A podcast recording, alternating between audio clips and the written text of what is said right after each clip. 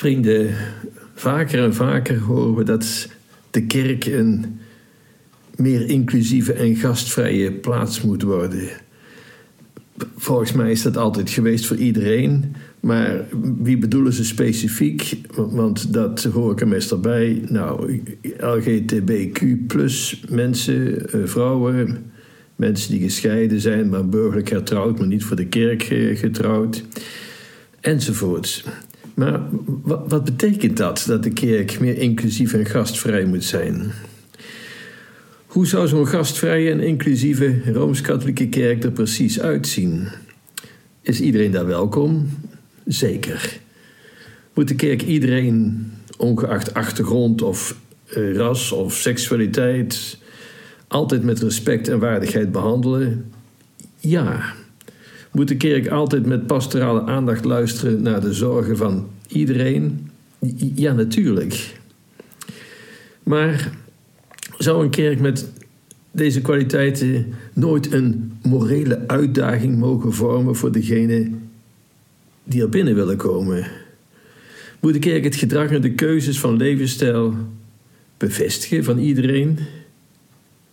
Dan vraag je eigenlijk dat de kerk in feite haar identiteit opgeeft en gewoon seculier wordt. Ik hoop dat het duidelijk is dat het antwoord op deze vragen nee is. De dubbelzinnigheid van de termen, inclusief en gastvrij, is een beetje een probleem. En eh, het synodeproces, wat, wat, wat gaande is over synodaliteit, hoe, hoe vaak dat ook mag zijn, die kan dat wel eens ondermijnen. Om dit kwestie te beoordelen stel ik voor dat we niet zozeer kijken naar de cultuur van onze tijd, want ja, die, die verandert met de tijd.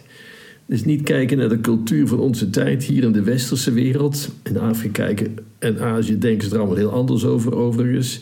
Maar naar Jezus Christus zelf.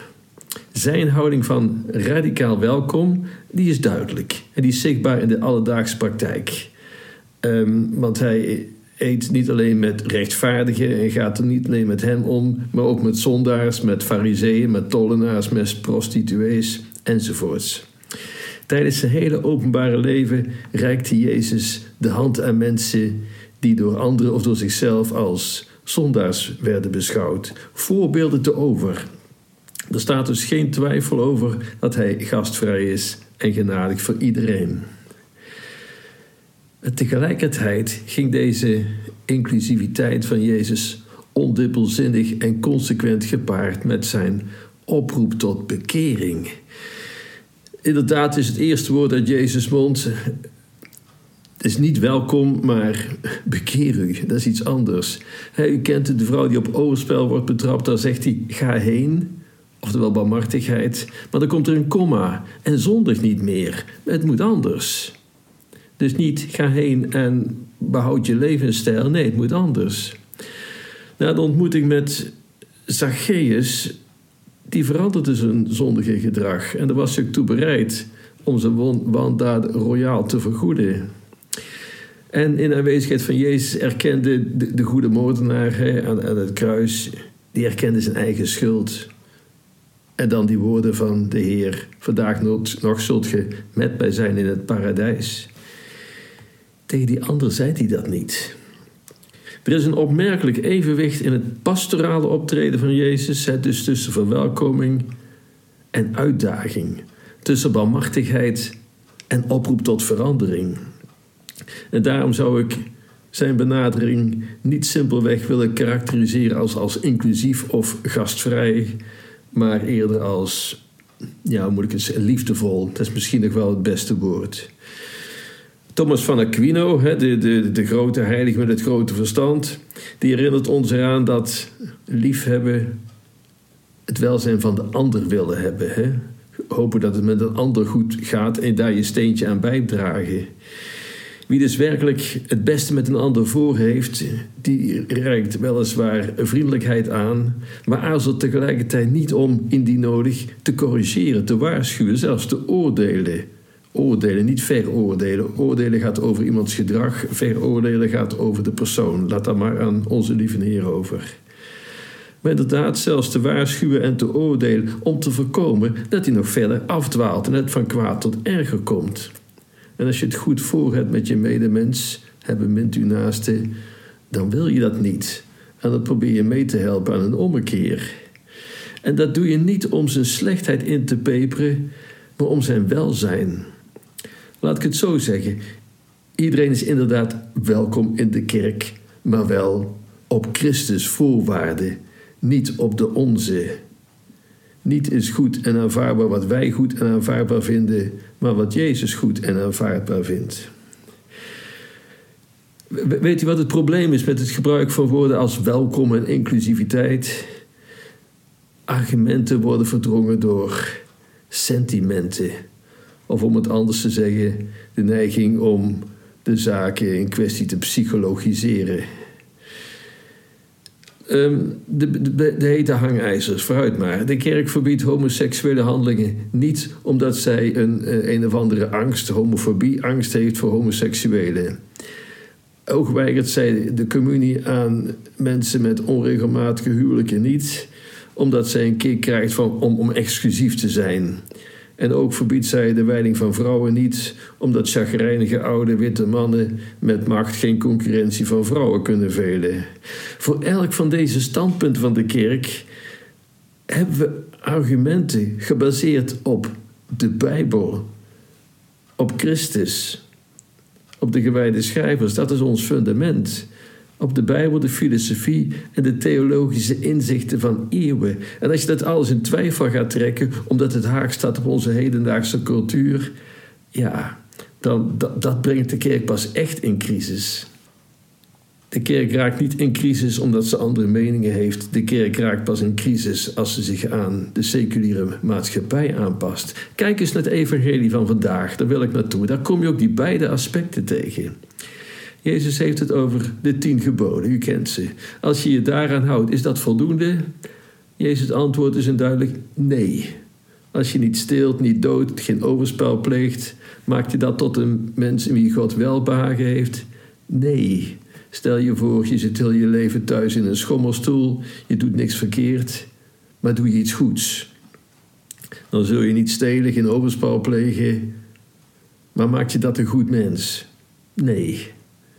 Jezus verdiept de tien geboden. Hij doet er nog een paar behoorlijke schepjes bovenop. Je hebt misschien geen echtbreuk gepleegd, maar als je naar een, naar een vrouw kijkt om haar te begeren, heb je in je hart al echtbreuk gepleegd. Het gaat Jezus niet alleen over dat we bepaalde regeltjes houden, maar hoe denken we eigenlijk ten diepste over? In het hart, daar begint het altijd mee.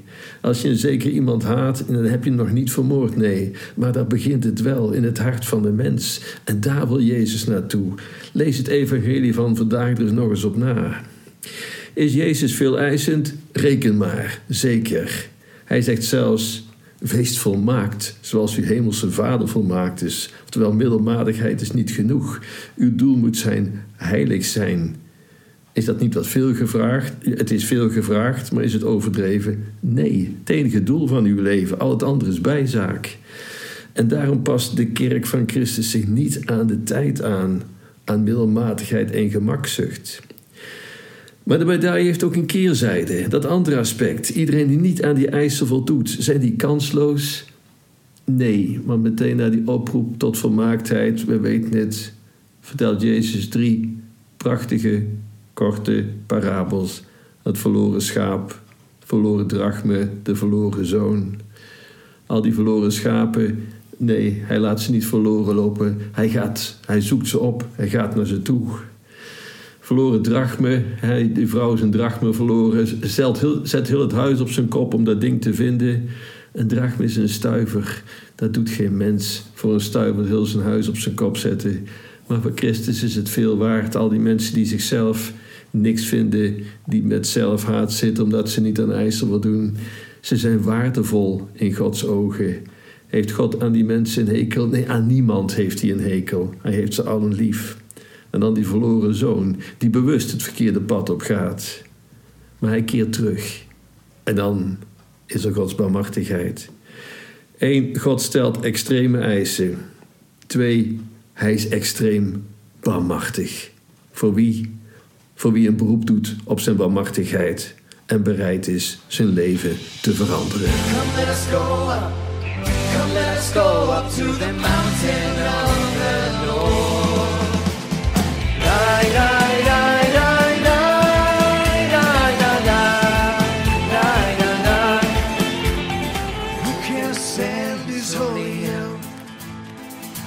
can approach his holy place? Only the one with clean hands and a pure heart. Who can ascend his holy hill? Who can approach his holy place? Only the one with clean hands and a pure heart. Come let us go. Come let us go up. Come let us go up to the mountain of the Lord. Come let us go up.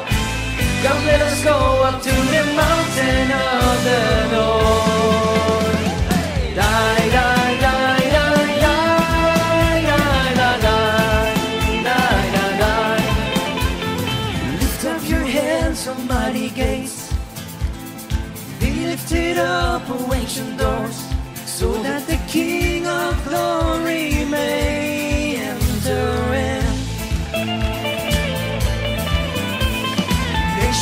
come to celebrate. Adonai will teach us his ways. And the God of Israel will send the rain. Come let us go up. Come let us go up to the mountain of the Lord. Come let us go up. Come let us go up to the mountain of the Lord.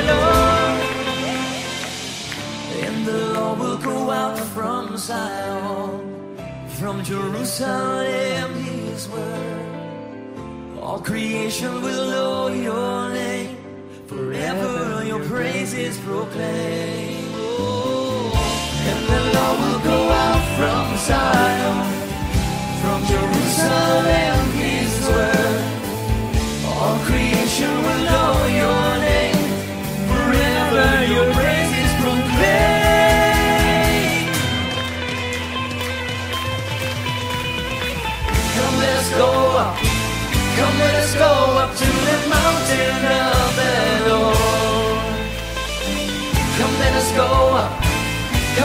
come let us go up to the mountain of the Lord. Hey, come let us go up.